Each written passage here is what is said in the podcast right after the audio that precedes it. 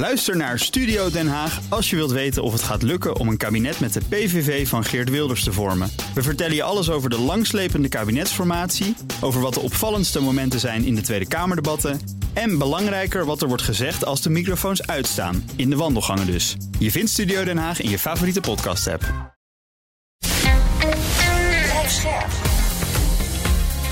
BNR Nieuwsradio.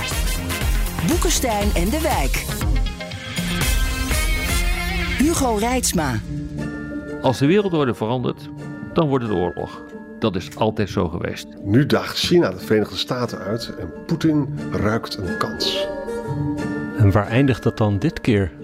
Ja, dat gaan we gewoon uitzoeken. Samen met experts op gebieden als economie, technologie en militair terrein. Wat doet klimaatverandering en werkt de democratie nog wel? Dat zal met jullie wel weer geen opbeurend verhaal worden. Uh, ja, zoals gebruikelijk. En we gaan in gesprek met de zaal. Over anderhalve week is het alweer, begint onze nieuwe theatertour. En we kunnen inmiddels bekendmaken woensdag 17 mei in Nieuwegein en dinsdag 23e in Groningen bespreken we de toekomst op, hoe kan het ook anders, militair terrein. Met, met niemand minder dan de onvolprezen Marten Kruijf. Oud-commandant eh, Landstrijdkrachten, zeer vereerd. In Boekenstein aan de Wijk voorspellen de toekomst te beginnen dus 17 en 23 mei. Kijk voor kaarten en overige tourdata op bnr.nl slash theater. En Welkom bij Boekenstein en de Wijk. Op zoek naar de nieuwe wereldorde. We spreken elkaar vandaag op Bevrijdingsdag. Dus Rob en Arjan wilden het hebben over kernwapens. Met te gast Elmar Hellendoorn, strategisch adviseur en senior fellow bij de Atlantic Council. Net als Rob overigens gepromoveerd op nucleair beleid. Alleen met een betere timing dan Rob die dat deed in 1989. Wat ik nog steeds heel erg grappig vind. Welkom Elmar. Dank. Ja, dank ik ook.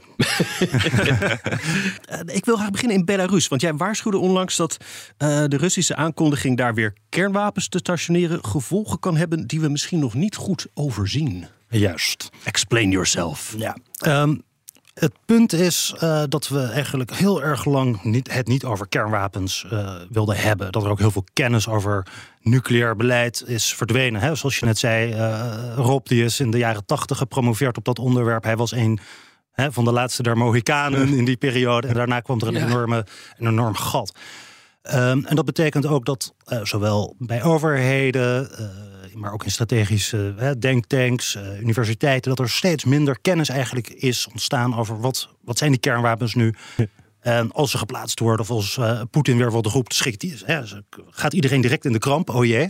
Ja. Um, maar wat we eigenlijk vergeten zijn, is ook hoe je die wapens ook voor diplomatieke middelen kunt inzetten en voor geopolitieke doeleinden kunt gebruiken, zonder ze nog direct tot ontploffing te oh, brengen. Dat is fijn. Ja, ik, ik ja. zat te denken. Ja. Uh, en dat is eigenlijk een, een dagelijks spel. Eigenlijk worden die kernwapens die worden dagelijks uh, gebruikt hè, om uh, voor, voor diplomatieke en strategische plannetjes. Plannen, moet ik eigenlijk wel zeggen. Daar gaat het eigenlijk om dat we dus dat weer moeten leren daarover na te denken. En daarom heb ik ook dat stuk geschreven in het NRC. Daar schets ik een mogelijk scenario van wat er kan gebeuren, hoe we in Europa kunnen gaan reageren op die plaatsing van, uh, van Russische kernwapens in Belarus. En dat dat mogelijk tot angstreacties leidt in Europa. En ook mogelijk de VS, waardoor er verdeeldheid ontstaat in de alliantie. Je moet je voorstellen, het is echt een prachtig artikel dat Elmar in de NRC heeft geschreven. Het enige wat Poetin hoeft te doen om het Westen helemaal uit elkaar te spelen, is je zet gewoon een paar Iskanders neer in Wit-Rusland. Iedereen schrikt zich dood. Vervolgens gaan mensen nadenken: hoe kunnen we van die Iskanders in Wit-Rusland afkomen? En dan zeggen een aantal Duitsers zeggen opeens: nou ja, we wilden toch al van die kernwapens af. Wij bieden wel onze kernwapens hier in Duitsland aan. Mm -hmm, ja. En in Nederland heeft het parlement ook een tijdje geleden dat een kernwapenverbod. Of, het, ja, of daar, nou, en Koenders heeft er ook aan meegewerkt. Hè? Inderdaad. Nou ja, het was vooral uh, ja. Koenders die wilde heel graag dat Nederland meedeed aan dat ja. uh, kernwapenverbod. Uh, ja, en wat dan de implicaties daarvan zouden zijn voor, voor de eenheid van de NAVO. Nou ja, dat, dat leek een, een andere vraag te zijn. Het probleem van dit soort dingen is altijd dat die discussie altijd te laat komt. En ja. altijd op het verkeerde moment komt. Dus uh, op het moment dat die dreiging echt uh, van belang begint te worden, dan beginnen de mensen te kraaien dat die kernwapens weg moeten. Maar als je dit had willen doen, dan had je dat, uh, laten we zeggen, uh, 25 jaar geleden moeten doen. Dan had je een kans uh, gehad. Ja. Maar nu te roepen van die kernwapens moeten weg, ja, dat levert natuurlijk gewoon op dit ogenblik niks op. Het enige wat je daarmee doet is Poetin in de kaart spelen. Hm. En jezelf chantabel maken. Ja. Maar Rob, het is ook zo, je kan, je kan kernwapens niet onuitvinden, om het zo maar eens te formuleren. Nee, dat klopt. Het, is ook allemaal, het zijn ook onzindiscussies. Ja. Echt nou ja, kijk, het punt was natuurlijk ook 25 jaar, of eigenlijk al 30 jaar geleden, na de val van de muur, het einde van de Koude Oorlog. Uh, de Russen hadden iets van 22.000 zogenaamde tactische kernwapens. En Hmm. het Westen, of NATO, Amerikanen hadden er uh, uh, 11.000. Hmm. Nou, daar zijn enorme, die zijn enorm verminderd, weliswaar. Maar ja, de Russen die hebben er nog steeds zo'n 2000 van. Die noemen, tegenwoordig noemen we het non-strategische nucleaire wapens. Er zouden zo ongeveer tussen de 100 en de 200 Amerikaanse kernwapens in Europa liggen. En dat zijn dan, dat is denk ik voor de luisteraar ook wel even belangrijk om te begrijpen hoe dat werkt binnen de NAVO. Het zijn Amerikaanse kernwapens op Europees grondgebied, maar die moeten als het ware door West-Europese defensieapparaten. Vliegtuigen, de F-35's, worden afgeworpen. Ja, dus zo'n vrije valbommen. Hè? Dat zijn die B-61's inderdaad. En die worden ook op dit moment uh, geüpdate. Die hebben een, een kracht van uh, 0,7 kiloton tot 130 uh, kiloton. En ter vergelijking Hiroshima was uh, 15 kiloton. Dus Hmm. ja, je kunt er, ze gebruiken om een, om een stevige brug, brug ergens mee weg te blazen. Of inderdaad om een enorme basis te vernietigen met alles wat eronder ligt aan tunnelcomplexen en dergelijke. Ja, maar het probleem uh, zit hem dus niet in die bommen zelf. Het probleem zit hem in wat we technisch noemen de overbrengingsmiddelen. Worden ja. die bommen gehangen onder een vliegtuig? Gaan ze op een kruisraket? Gaan ze op een ballistische raket? Dat ja. is cruciaal. Daar, daar zit het hele punt in. Wat we aan het eind van de Koude Oorlog hebben gedaan in Europa... is we hebben eigenlijk alle overbrengingsmiddelen die we hadden...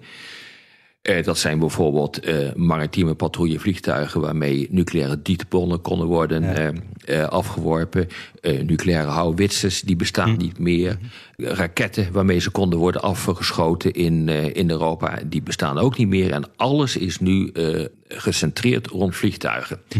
Dat hebben de Russen niet gedaan. En vliegtuigen zijn wel lastig, omdat de kans vrij groot is dat die helemaal niet door de luchtverdediging heen komen. Ja, van in dit geval Rusland. Daar zit een groot probleem En dat kan je veel beter doen met kruisraketten of ballistische ja. raketten. Of wat, Amerika, wat de Russen nu doen met hypersonische raketten. Dan heb je dus een, een veel uh, grotere mogelijkheid om uh, door die luchtverdediging heen te komen. Dat, dat, mist, dat mist Europa. Dus er zit een enorm afschrikkingsgat ja, dat is tussen Europa en Amerika. Daar ja, zit het daar grote je, probleem. Waarbij de Russen veel meer voordelen hebben dan wij. Nou, daar dat is het punt vooral met die F-35's inderdaad. Dat die mogelijk niet door de Russische ja. luchtafweer komen. Tegelijkertijd hebben de Amerikanen zijn ze wel bezig met de ontwikkeling van kruisraketten, nucleaire kruisraketten vanuit, hè, die ze kunnen afvuren vanuit hun onderzeeboten. Mm -hmm. uh, ja, die zijn, dat is gecanceld. Dat, uh, dat, pro, dat, project is tijdelijk gecanceld. Ja, dat, dat is tijdelijk gecanceld. Ja, nee, maar goed, dat zijn dus een, van die een dingen... belangrijk punt wat je, wat ja. je dan noemt. Dat is de SLCM. Dat is een, ja. nee, maar wacht even, dat is wel belangrijk. Want dat uh, in de Nuclear Posture Review van een aantal jaren geleden, die door Trump is uh, gepubliceerd. Daarin werd dit aange, aangekondigd. Ja. Toen werd er gezegd, er moeten, en dat was op zich een, een, een goed idee... er moeten uh, vanaf onderzeeboten gelanceerde kruisraketten uh, worden ontwikkeld... met een kleine nucleaire kop. Want we hebben eigenlijk gewoon geen betrouwbare wapens meer in Europa zitten... waarvan we zeker weten dat, we ze, dat ze erheen komen. Ja. Daarvan is gezegd, die komen te laat, die raket, in 2035. Ja. En vervolgens is eigenlijk zeer recent is dat programma de nek omgedraaid. Ja, nou ja, het punt daarmee is dat dat ook nog eens een keertje alleen onder Amerikaanse controle zou zijn. En het mooie van dat nuclear sharing exact. dat we hebben, is dat het dus een gedeelde taak is van zowel de Europeanen als de Amerikanen om voor die nucleaire verdediging van de NAVO te zorgen. En uh, ja, het probleem inderdaad... Dat is heel belangrijk. Ja, dat, dat zorgt... Hè, dat noemen de Amerikanen noemen dat ook burden sharing. Ja. Uh, dat betekent dus ook dat we die nucleaire risico's met de Amerikanen delen. en dat zorgt voor gedeelde solidariteit. Ja. Dat, we hadden het net over het idee bijvoorbeeld om kernwapens te verwijderen uit Europa. En dat willen de, de Russen, hè, die proberen daar al heel erg lang op aan te sturen. Mm Um, maar dat zou dus ook een soort van strategische, nog verdere strategische, maar ook diplomatieke ontkoppeling betekenen tussen de VS en Europa. Als je dus die kernwapens verwijdert uit, uh, uit Europa. Nee, die ontkoppeling is er feitelijk al. Want dit doet heel sterk denken aan uh, de jaren tachtig, toen we de discussie hadden over uh, de SS wat was dat? 20. SS-20. Ja. eh, die door de Russen zouden worden gestationeerd. En daartegenover zouden de Pershings ballistische raketten en kruisraketten van eh, de Amerikanen, CQ de NAVO, worden gestationeerd. Nou, die kun je nu vinden, die eh, systemen, in het Air and Space Museum in, eh, in Washington. Maar dat was natuurlijk een inzet van een enorme discussie die we toen hadden. In 1981 gingen er alleen al in Nederland 400.000 mensen de straat op om daar tegen te protesteren. In 83 nog een keer 550.000 mensen onder de leuze help de kernwapens de wereld uit om te beginnen in Om de Nederland. bom, ja. Eh, ja, exact. Dat uh, Mijan Faber, hè, net overleden, nog niet zo lang geleden, dat was een grote man eh, daarachter. Maar dat was exact dezelfde discussie. En volgens mij, Elmar, schrijf je dat ook in jouw, in jouw stuk, dat er echt een. een, een Parallel. dat het, het bijna is alsof de geschiedenis zich herhaalt op dit ogenblik. Ja. Maar ook toen had je die strategische ontkoppeling. Want als je die SS-20 eh, gaat ont, ontplooien in, in Rusland, waarmee je Europa kan bestoken. Ja, dan moet je daar iets tegenover zetten. En dat was er op dat, op dat ogenblik niet. En ons krijg je een ontkoppeling tussen Europa en Amerika. En dat is wel belangrijk om uit te leggen hoe dat zit. Want als er een ontkoppeling is, dan zal Amerika niet het risico nemen om Europa te beschermen met zijn kernwapens, omdat hij bang is dat hij zelf wordt getroffen. Exact. Gezellig, we gaan zo terug naar de jaren 80 na het volgende. BNR Nieuwsradio. Boekenstein en de Wijk. Op zoek naar de nieuwe wereldorde. Dit is Boekenstein en de Wijk. En dat programma is natuurlijk niet zonder Arjan Boekenstein en Rob de Wijk. Mijn naam is Hugo Reitsma en we praten met Elmar Hellendoorn over nucleaire veiligheid in Europa. En Elmar, die discussie in de jaren 80, daar zag je dus hoe dit al snel verdeeldheid oplevert. Zo'n discussie over kernwapens in Europa. Is dat wat ons opnieuw te wachten staat? Dat is, een, dat is een mogelijkheid. En daar moeten we dus serieus over nadenken. Wat dat, eh, hè, wat dat kan betekenen, die plaatsing van die kernwapens in, in Wit-Rusland of Belarus. En misschien is het ook even nuttig om het duidelijk te noemen, waar gaat het eigenlijk over? Want de Russen die hebben eerst, eh, al voor de Oekraïne-oorlog was er eigenlijk al een soort van een uitnodiging, was er een gesprek gaande dat er kernwapens in, eh, Russische kernwapens in Wit-Rusland geplaatst zouden worden. Dat gaat over een aantal SU-20 eh, vliegtuigen, nuclear capable, dat gaat er over 10 of zo. Dat zijn echt hele oude kisten, 40 jaar oud. En die zouden dan een beetje in het, in het westen van, van Wit-Rusland worden neergezet. Die hebben een bereik van ongeveer 400, eh 500 kilometer een radius in ieder geval. Dan daarnaast gaat het dus over die Iskanders.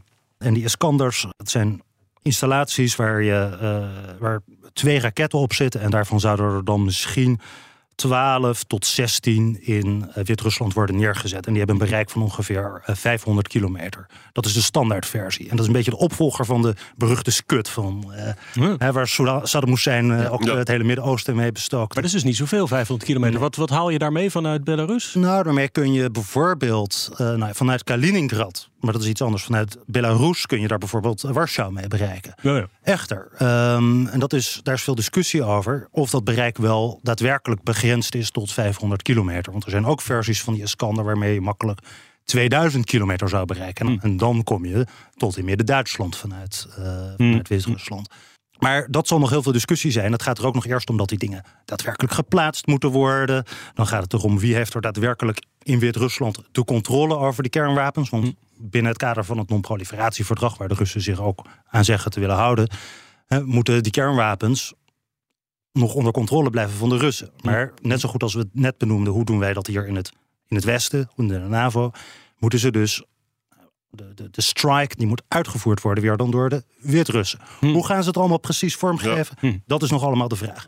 Maar het gaat er uiteindelijk om dat er druk wordt opgebouwd. Dat er hier discussie over ontstaat. Dat we bang worden, hè, dat bepaalde groepen in de samenleving dat die bang worden, dat die geactiveerd worden en zeggen van oh jee. Ehm, ja, dat is toch wel heel gevaarlijk, die Russische kernwapens in Belarus. En dat is eigenlijk alleen maar een reactie op eh, het feit dat er Amerikaanse kernwapens hier in Europa zijn. exact. En daarom moeten ze weg. En dat is dus best interessant, want eh, jullie hebben het eerder Ja, ook wel eens gehad over die Russisch-Chinese verklaring. Hè, dat er dus geen kernwapens buiten het grondgebied van landen geplaatst Dat zouden was bij het staatsbezoek van Xi aan, eh, aan Moskou. Ja, inderdaad. En nou ja, dan is het heel vreemd lijkt het dan dat de Russen een paar weken of een paar dagen daarna eigenlijk aankondigen dat ze dus wel hun kernwapens in, eh, in Belarus neerzetten. Ja. Maar eigenlijk is dat veel meer een directe aanval op wat de NAVO doet, of de, de VS doet. Die heeft op Europees NAVO-territorium hebben ze kernwapens. Daar zegt China ook tegen te zijn. En waarom is China daar ook dus tegen? Omdat dat, zoals we net bespraken, een, een band vormt tussen de VS en Europa. Ja, ja. En als je dat dus kunt proberen te splitsen, daar een wicht tussen kunt drijven langs die nucleaire weg, Exact. dan, nou ja, dan is niet alleen voor Rusland de weg geopend, maar ook voor China gaat er dan weer een barrière. En nu even parallel met, met, de ja, met, Ja. de, met de jaren tachtig. hè. De SS-20-raket, dat is een middellange afstandsraket... die kon dus de Amerikaanse tactische kernwapens uitschakelen. Als dat gebeurt, dan kan Amerika alleen nog de ICBM's, de grote jongens... maar ja, ga je Chicago opgeven voor Europa? Ga je New York opgeven? Er, wordt, Ja, ja, ja. er zijn- zijn boeken vol over geschreven. Dit is hetzelfde. Die Iskanders kunnen Amerikaanse kernwapens uitschakelen. En is dan de grote Amerikaanse broer nog bereid om steden op te geven voor ons? Gelukkig hebben we nog de onderzeeërs. Hè? Maar het is, het, is, het is echt een heel interessant punt. En, en wat, wat eh, Elmar net zegt, ook heel belangrijk. China die steunt natuurlijk Rusland in alles wat het doet om het eh, eh, het Westen uit elkaar te spelen. En wij weten gewoon, als ik naar een supermarkt loop, één keer in de twee jaar, hè, dan kom ik altijd iemand, kom ik een arts tegen die is tegen kernwapens. En die duwt mij in een hoekje en die zegt dat ik een heel slecht mens ben. En ook, met, ook die poekwarsmensen doen dat. Die zijn volkomen ideologisch. En ook in, de, in, de, in het parlement zijn er heel veel mensen. We moeten die kernwapens afschaffen. En dat kan helemaal niet. Maar Arend Jan, Ja. Arend Jan dat, daar, heb je, daar heb je gelijk in. Ik, dat, dat, dat vind ik ook. Dat is ook zeer ideologisch en weinig strategisch eh, gedacht. Maar ik denk niet dat daar eh, een directe relatie eh, wordt gelegd tussen de aanwezigheid van Amerikaanse kernkoppen, want daar gaat het om op Europees grondgebied, en de stationering van Iskander-raketten met een nucleaire lading in Belarus. Het gaat veel meer om, en dat is nog veel ernstiger, om het idee dat Europa, Amerika, deze oorlog zelf geprovoceerd heeft. En, eh, en dat je dus eh, een discussie zal krijgen van. Kijk eens even wat daar eh, gebeurt. Wij hebben, wij hebben ook deze oorlog geprovoceerd. Dat speelt met name niet zozeer in Nederland, behalve eh, op, eh, behalve op een paar maloten op Twitter. Maar in Duitsland speelt dat zeer nadrukkelijk wel. Maar dat heeft natuurlijk ook een andere geschiedenis. Mm, En, en, en dat maakt het echt gevaarlijk. Daardoor kan je inderdaad, precies wat, wat Elmar zegt, de hele NAVO uit elkaar breken. Maar ik, het is op zich een merkwaardige discussie. Want het woord eh, Kaliningrad is nog niet gevallen. Want daar kan je ze natuurlijk ook gewoon neerzetten. En ze. waarschijnlijk staan ze daar ook. Er staan in ieder geval Iskander-raketten. Maar of ze nucleair zijn, dat weten we niet. Inderdaad. Eh, eh, maar realiseer je ook waarom. Je hebt eh, de SS-20 eh, ook net weer genoemd. Ehm, de, het, eh, het, de, eh, het resultaat van die hele discussie uit de jaren 80 was het, het eh, akkoord voor de stationering van middellange afstandswapens, dus van 500 tot 5500 kilometer. Juist. Dat akkoord is onderuit gehaald door Rusland. Door de ontwikkeling van de, wat was het ook weer, de 9M2 eh, 729. die- Met een bereik van 2500 kilometer. Ja. Toen heeft Poetin, of eh, Trump heeft daar een streep door eh, gezet. Dus die, die wapens, die zijn er al lang. En die asymmetrie, die is er al lang. Eh, er wordt er nu bijvoorbeeld eh, wordt er ook geëxperimenteerd, eh, geëxperimenteerd met hypersonische Kinzel-raketten. Daar kunnen ook nucleaire ladingen op worden gezet. En die worden ook daadwerkelijk afgevuurd op dit, dit ogenblik. Dus ja, dit speelt. En ja, dit is belangrijk. Maar er is veel meer aan de hand dan alleen maar de stationering van een paar van die Iskander-raketten in Belarus. Ja, absoluut. Hè, Belarus is gewoon nu de aanleiding dat we het, eh, dat we het hierover hebben. Eh, Ja. Maar de, de, de Russen die zijn al inderdaad eh, zo'n twintig jaar eigenlijk al bezig. Misschien zelfs nog wel langer inderdaad met het ontwikkelen van wapensystemen. Want het gaat dus ook over die raketten met die eh, rijkwijde die groter is dan 500 kilometer. Om hun conventionele inferioriteit versus de NAVO te proberen te, te beperken. Want hè, dat is eigenlijk door meer nucleaire capaciteiten te ontwikkelen, hopen de Russen dat ze hun machtspositie omhoog kunnen houden, hè, waar ze het conventioneel tekort schieten. En dat, wordt alleen maar en dat heet dan nucleaire diplomatie, zoals je dat eh, noemt. Hoe zou de NAVO daar dan eh, preemptief op moeten reageren? Zodat we niet worden overvallen door iets en iedereen denkt: help, eh, nu moeten er Amerikaanse wapens weg uit Europa. Ja, kijk, ik denk dat het daar, daar, dat moet je over verschillende sporen kun je dat, kun je dat aanvliegen. Ik denk dat het ten eerste belangrijk is, zoals ik ook begon al te zeggen, we moeten hier gewoon veel meer over spreken, over nadenken, ideeën over ontwikkelen, zodat we inderdaad niet verrast worden. Twee, je kunt erover nadenken, wat voor wapensystemen moeten wij daar zelf tegenover gaan stellen? moet je bijvoorbeeld voor die F-35's niet alleen maar free-fall uh, raketten hebben, maar bijvoorbeeld ook zelf middellange afstandsraketten ontwikkelen, waardoor je niet eh, gevoelig bent voor de Russische luchtafweer of minder gevoelig. Ten derde, als je dat soort wapensystemen gaat ontwikkelen, dat is een heel duidelijk signaal aan de Russen van, oh ja, wacht even, misschien maakt dat dan voor ons ook niet zoveel uit. Ja. En dan kun je dus, net zoals in de jaren tachtig, misschien weer komen tot uh, nieuwe wapenbeheersingsbesprekingen. Want dat is iets wat de Russen toch ook wel serieus vinden. En dan worden ze ook serieus genomen. Want daar zit ook voor Rusland wel een heel belangrijk element. Dat ze het gevoel hebben dat er naar hen geluisterd wordt. Dat ze een grootmacht zijn. Ja, En dat is ook, hè, dankzij de nucleaire wapens zitten zij aan de tafel. En dat is waarom ze mede ook die wapens telkens Je kunt dus tot wapenbeheersing ja, komen als je eerst bewapent. Dat, is, dat, is, dat is het. dat is het punt inderdaad. Ja. Ja. Maar hier is nog wel iets meer aan de hand. Het, het woord afschrikking is nog niet echt gevallen. Dit is afschrikking. Kijk, en uh, toen ik eh, honderd uh, jaar geleden mijn dissertatie uh, schreef, toen waren er hele verfijnde afschrikkingstheorieën, afschrikkingsstrategieën. Maar ik, ik heb die boeken allemaal nog, ik heb ze niet weggegooid, godzijdank, want ze zijn allemaal weer heel erg relevant. Want precies wat, wat Elmar zei, ja, die kennis is weg. Dus begin maar eens een keer, eh, raad ik ook eh, degene aan die zich hierin eh, interesseren. Begin maar eens even te kijken naar de boeken die in de jaren 80 en 90 zijn geschreven. Want eigenlijk is het sindsdien het denken stilgestaan. Dus dat, dat denken over afschrikking, ja, dat is tamelijk geavanceerd geweest tijdens de Koude Oorlog. En dat is, dat is nu weg. En nu zie je ook wat de gevolgen daarvan zijn. En nu roepen mensen van... ja, maar we moeten ons niet laten chanteren door Russische kernwapens. Ja, dat kan je nou wel zeggen. Maar chantage, dat is gewoon een ander woord voor afschrikking. Ja. De bedoeling is dat als je kernwapens hebt en daarmee eh, dreigt dat, dat je daarmee eh, de andere partij van stappen afhoudt. Dat heet afschrikking. Ja, en ik dat denk is dat niet chantage, nee, nou ja, dat is afschrikking. Dat is afschrikking. En inderdaad, het is in de volksmond wordt het dan makkelijk tot chantage uh, benoemd. Maar dat hebben we heel duidelijk, dat, dat element van Russische afschrikking hebben we natuurlijk tijdens de Oekraïne-oorlog heel duidelijk zien we dat. Zeker. En hm. dat ook de westerse steun aan, uh, aan Oekraïne, militaire steun, ja, dat we daar toch heel voorzichtig mee zijn om dat niet daar niet te ver in te gaan. Uh, dat er toch veel zorgen zijn. Oh jee, als Oekraïne verder gaat, bijvoorbeeld met de aanval op de Krim kan dat dan tot repercussies leiden. Niet alleen op Oekraïne zelf met nucleaire middelen. Want de Russen die zeggen we zullen nooit landen zonder kernwapens met nucleaire middelen aanvallen. Maar misschien op ja. NAVO-grondgebied. Nog een vraagje, Elmer. Je zei net van, wij moeten dus een aantal dingen doen. Er waren allemaal hele juiste dingen, ook de middellange afstand. Maar we hebben ook een tekort aan tactische kernwapens. Daar hebben de Russen er veel van. En je moet de nucleaire escalatie, je moet van alles wat hebben... om ook nog te kunnen deescaleren.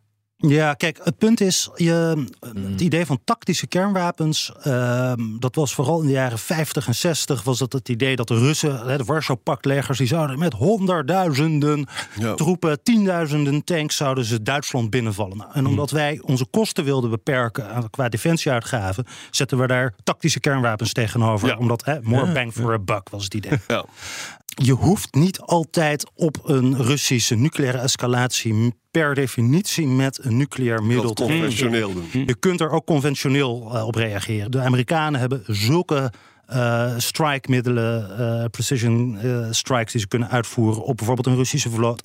De cyberaanvallen die ze kunnen uitvoeren om bijvoorbeeld Sint-Petersburg of Moskou geheel plat te leggen. Nou ja, dat soort aanvallen, die kun je ook inbouwen in de escalatieladder en, en daarmee ook helpen afschrikken.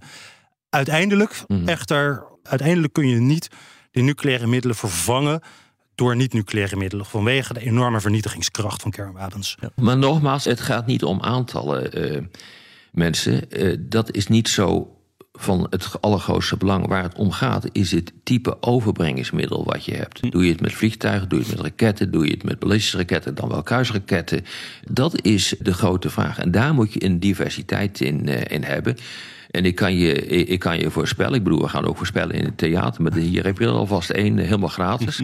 dat wij een discussie gaan krijgen over nieuwe overbrengingsmiddelen. Moeten wij bijvoorbeeld in Europa kruisraketten krijgen met kernwapens op? Die discussie ga je onherroepelijk krijgen. Ja. En daarmee ronden we af. Althans op de radio. Op de podcast gaan we langer door met luisteraarsvragen. Luistert u op de radio, dan verwijs ik naar boekensteinendewijk.nl of uw favoriete podcast-app. En oh, Thomas Dijker die had het ook al over Kaliningrad hier dus even ook al genoemd. Uh, zegt, is daar ook al iets sprake van kernraketten? Nou, mogelijk dus. Ehm, en Ja. als dat zo is, hoe gaat Europa daar dan mee om? Is daar iets van te leren? Hoe gaat Europa om met de stationering van enge dingen daar zo dichtbij?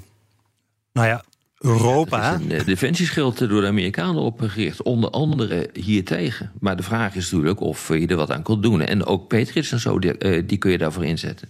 Ja, je hebt inderdaad dat Aegis-systeem in, in Polen. eh, dat officieel natuurlijk gericht is tegen Iraanse raketaanvallen. Maar Dat is het raketschild, hè? Dat Ja. raketschild inderdaad, ja. En dat is formeel niet tegen de Russen gericht, Nee. maar staat er toevallig wel handig. Ik weet nog toen ik in de NAVO-assemblee zat, Inmiddels- Russen inmiddels wel. Russen waren daar zo boos over. Ja. ik weet nog, die, er waren ook dames die zaten in de NAVO-assemblee. Van die ordinaire dames. En die schreeuwden over dat nuclear shield. Dat was echt, we zaten op een, op een de Azoren ergens. Ik zal het nooit meer vergeten. Met dames. Ja, dat waren nou, ja, potige, potige Russische dames. Die waren, zaten in die NAVO-assemblee. Ja. Beetje ordi ook. Buddy J vraagt waarom zouden we ons druk maken over raketten in Belarus? Er zijn genoeg kernwapens om elkaar te vernietigen. En Rusland weet wat er zal gebeuren indien zij op Europa schieten. Zelf ook een kernwapen aan de grens zetten is toch voornamelijk symboliek. Nou ja, ik denk dat we benoemd hebben waarom we ons zorgen moeten maken. of waarom we het erover moeten hebben. eh, wat de consequenties kunnen zijn van die Russische kernwapens in Belarus. En eh, nou ja, of je zelf een kernwapen in de grens, op de grens zet met, met Belarus. Dus of we kernwapens in Polen gaan stationeren. Dat is een hele andere discussie weer. Dat zouden de Polen wel willen, geloof ik. Hè? De Polen die, eh, hebben daar zeker interesse in. Maar dat opent dus ook weer hele discussies binnen de NAVO. Of we dat nuclear sharing, of we dat moeten gaan, eh, gaan uitbreiden. Dat zorgt ook weer, want dat is eigenlijk ook het hele verhaal van de Koude Oorlog geweest. Hoe zorg je ervoor dat die alliantie op een goede manier bij elkaar blijft? Mhm. En eh, sommige landen willen meer nucleair, andere willen minder. Of andere landen willen weer meer controle, minder controle. En als nuclear sharing niet lukt, dan overwegen de Polen om Alleingang te doen. Die willen een eigen bom. Nou, ik zou niet direct zeggen dat ze, ja? dat ze zeggen: eh, eh, als er geen nuclear sharing komt, dan gaan wij een, een kernwapen zelf ontwikkelen. Maar ze willen wel heel erg veel assurances, Ja. hè, verzekeringen zeg maar, krijgen van de, Ja. eh, van de Amerikanen. dat, ze- eh, dat de Amerikanen zorgen voor een stuk nucleaire veiligheid van Polen. Ja. En als ze dat onvoldoende vinden, ja, dan kunnen ze altijd gaan overwegen om zelf een nucleair programma te gaan ontwikkelen. En dat is. En Elmar, wat Ja. gaan we doen als Trump terugkomt? En hij zegt de gekste dingen over artikel 5 weer. En, en, en, we, en we zijn on our own. Ja. Wat gaan we dan doen? Nou, kijk, dan hebben we. eh, dan zal ten eerste zal eh, Frankrijk eh, zeggen. Kijk, wij kunnen ook met onze nucleaire middelen zorgen voor de nucleaire verdediging van Europa. Hm. Daar zullen ook landen zoals Polen, maar ook Nederland en Duitsland van zeggen. In hoeverre kunnen we daar daadwerkelijk op, eh, op vertrouwen? En is dat, is dat Franse arsenaal voldoende groot om tegen de Russische capaciteit in te gaan? En in hoeverre zullen de Fransen daadwerkelijk ook hè, Parijs of Marseille riskeren voor Warschau? Exact, En, exact. eh, en, en, en Lviv. Het andere punt is dat we heel erg goed moeten nadenken over het weer eh, dichter betrekken van Engeland of het Verenigd Koninkrijk bij de Europese veiligheidsstructuren. We hadden ooit een West-Europese Unie, de WEU. Nou, dat was vooral heel erg een praatkliek. Maar je kunt wel door Engeland dichter te betrekken bij de Europese verdediging. Eh, en ook dat de institutionele. eh, kun je ook die Engelse capaciteiten weer dichter bij, eh, bij de Europese verdediging brengen. Want ook de Engelsen die hebben echt een enorm belang bij de Europese eh, geopolitieke ordening. Ja, je moet weer komen met een Europese Veiligheidsraad. Hè? Dat Ja. is een oud idee en dat moet je weer afstoppen. Ja. En daar zit ook duidelijk een nucleaire component zou daarbij moeten zitten. Zeker. Maar ik zit nog even te kijken naar die vraag van, van Buddy. Hè? Wat maakt het eigenlijk uit als de Russen de wereld kunnen vernietigen vanuit Belarus, als ze het nu ook al gewoon vanuit Rusland kunnen doen? Ja. Ik bedoel, wat is het verschil? Psychologisch. Het is... Nee, maar hier heeft Elmar absoluut een punt in zijn, eh, in zijn stuk. Dat is psychologisch. Op een gegeven moment eh, krijg je een discussie. eh, omdat er iets zichtbaar wordt. En mensen denken: oh mijn god, nu moeten we wat gaan doen. En dan krijg je dus een, eh, een, een discussie in een land. Dus eh, ik ben het daar volstrekt met, met, met hem eens dat dat kan. Terwijl natuurlijk feitelijk, dat heb ik ook proberen uit te leggen. eh, er helemaal geen verandering is van de situatie. Maar je hebt af en toe van die, van die triggers nodig. om het publiek in beweging te krijgen. En ik moet zeggen, daar zijn de Russen wel redelijk bedreven in hoor. Ja, absoluut. En daar zit dus eigenlijk ook het verschil in tussen nucleaire strategie en nucleaire diplomatie. Dus dat, wat de Russen nu doen met die plaatsing van die kernwapens in Belarus, is misschien nog meer. Hè, dat is een diplomatiek gebruik van die middelen. Dat heeft minder met direct met afschrikking en dergelijke te maken. Dan met het, het, het inderdaad, zoals je zegt, de psychologische effecten creëren in het Westen. Ja. En op onze, ja. ja, op onze eenheid uh, die uit elkaar te spelen. Ja. Terwijl volgens mij. hele kernwapens in Belarus niet nodig. Nee, nee. nee, niet voor hun eigen verdediging, inderdaad. Nee. nee en overigens, als, je zei net dus van zelfs met het grootste mogelijke bereik komen die Iskanders tot midden-Duitsland. Maar die Amerikaanse kernwapens die liggen in Nederland, België, Italië en nog ergens. Dus dat haal je dan niet. Ja, nee, nee, maar daar gaat het ook helemaal niet om. Het is het psychologische uh, punt van ze stationeren. Als je ze onderschadelijk wil maken, dan kan je, dan kan je dat doen met die, uh, die, die, kruisraketten die vanaf de grond worden gelanceerd. Die, die 9M729, nu zeg ik het goed volgens mij. Met een bereik van 2500 kilometer. Of met een, met een Kinsel. Ja. ja. Hm. Okay. Of met of, een kindsel. Of, of met uh, ouderwets... Uh, die, met... die ook nog een keer hypersonisch is. Ja, inderdaad. Of bij wijze van spreken uh, gewoon met een ouderwets middel. de, de oude bears kunnen als ze door de westerse afschrikken... of ja. westerse luchtafweer komen. Die hele grote... Die hele grote kisten, inderdaad. daar kunnen ze ze ook mee afwerpen. En de Russen, die, hè, dat is ook een stukje nuclear signaling. Heel vaak komen die bears, die kwamen nog over de Noord... Hè, over de, de Waddeneilanden ja. vliegen. En dat is dus ook een, een teken van de Russen van... hé hey jongens, in Europa, in Nederland. Wij kunnen jullie bereiken met onze vliegtuigen. Volkel is niet veilig. Ja, tuurlijk. Waar, waar het ook mogen zijn. Ja. Oh ja. Het is weer een gezellige podcast. Ja. maar, dit is het, maar dit is het punt, Arend Jan. Um, we hebben gewoon jarenlang niet willen spreken en willen nadenken over wat als de Russen ons grondgebied met nucleaire middelen bedreigen. En als je daar in discussies over begint, dan, ja, dan, dan, dan, dan trekken mensen lijk bleek weg. Ja. Ja. En dan zeggen ze, ja, Elmer, uh, kun je het misschien, het is een beetje, ligt een beetje zwaar op de maag. Hè? Uh, dus Laten we dat maar niet doen. Of kun je het een beetje vriendelijker brengen? Maar we hebben het over hele serieuze zaken. Ja, natuurlijk. Dat, uh... Ja, nee, maar uh, mensen die, uh, die trekken hun dekbed over hun hoofd. En denken ja. dan dat er niks aan de hand is. Maar dit is natuurlijk gewoon cruciaal wat hier gebeurt. En wat ik het meest verontrustend vind. Ik weet niet wat jij ervan vindt, Elmar. Is dat in de goede oude tijd van de Koude Oorlog. geen enkele nucleaire mogelijkheid op het idee zou komen om militaire avonturen te beginnen, omdat daar de dreiging in zou zitten van een verdere escalatie aan een kernwapenoorlog. En nu hm. gebeurt dat wel. Ja. En nu hoor je van, nou, we moeten ons niet laten chanteren door kernwapens van de tegenstander. En nee, uh, het gaat eigenlijk om uh, afschrikking om daadwerkelijk kernwapens te gaan gebruiken. Een beetje oorlog voeren kan echt wel. Wapenleveringen kunnen echt wel.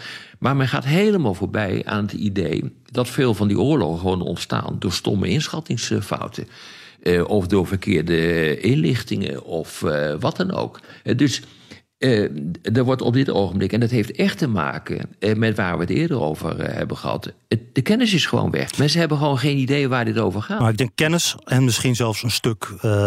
en met die kennis komt ook een stuk verantwoordelijkheidsgevoel, strategisch verantwoordelijkheidsgevoel. Zo, en, ja, daar heb je gelijk. Um, en tijdens de Koude Oorlog uh, gingen er ook dingen mis. En er waren, we hebben de Cuba-crisis bijvoorbeeld. Uh, er is een, uh, een Able Archer oefening in 1983 geweest, waarbij de Russen zo. Zo. een NAVO-oefening was dat. En de Russen waren zo paranoïde dat ze van die oefeningen en al in die periode daaromheen, dat ze hun arsenaal totaal op alert zetten. En het was, scheelde echt een paar haren. Mm-hmm. misschien niet eentje, maar wel twee, drie. Mm-hmm. ja. En toen zijn we teruggekropen en hebben gezegd: stop. Maar even terugkomen bij het punt over, hè, over avonturisme. En er worden continu maken wij mensen inschattingsfouten. Die inschatting, en in onze besluitvorming zitten die inschattingsfouten.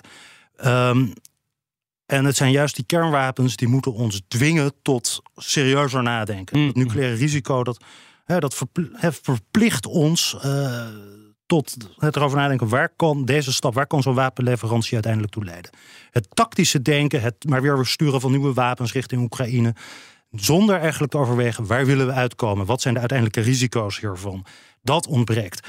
Maar uh, Rob, ik denk dat we aan de andere kant moeten we niet vergeten dat de Russen bijvoorbeeld binnen hun invloedssfeer, zoals ze Oekraïne ook zien, tijdens de Koude Oorlog Hongarije weer in het gareel hebben gebracht in 1956. Met de nucleaire dreiging eigenlijk erbij.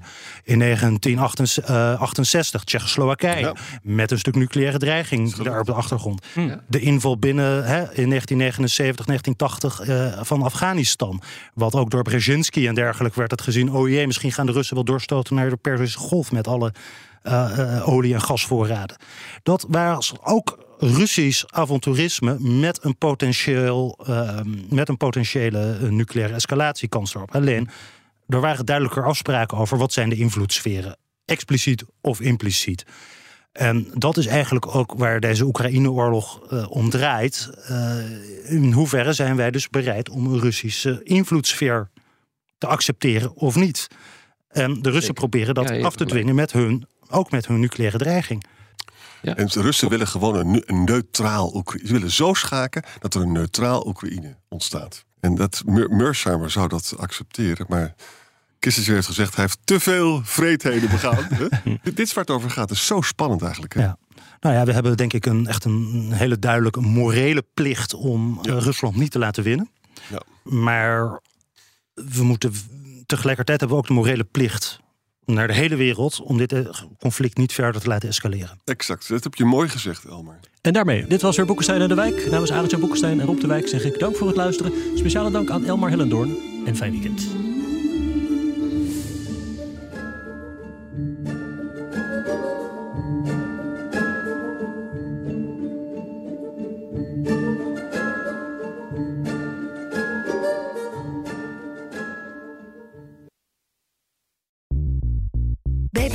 Ben je altijd als eerste op de hoogte van het laatste nieuws. Luister dagelijks live via internet. Bas van Werven. En heel langzaam komt de zon op rond dit tijdstip. Je krijgt inzicht in de dag die komt op BNR, het Binnenhof in Nederland en de rest van de wereld. De Ochtendspits. Voor de beste start van je werkdag. Blijf scherp en mis niets.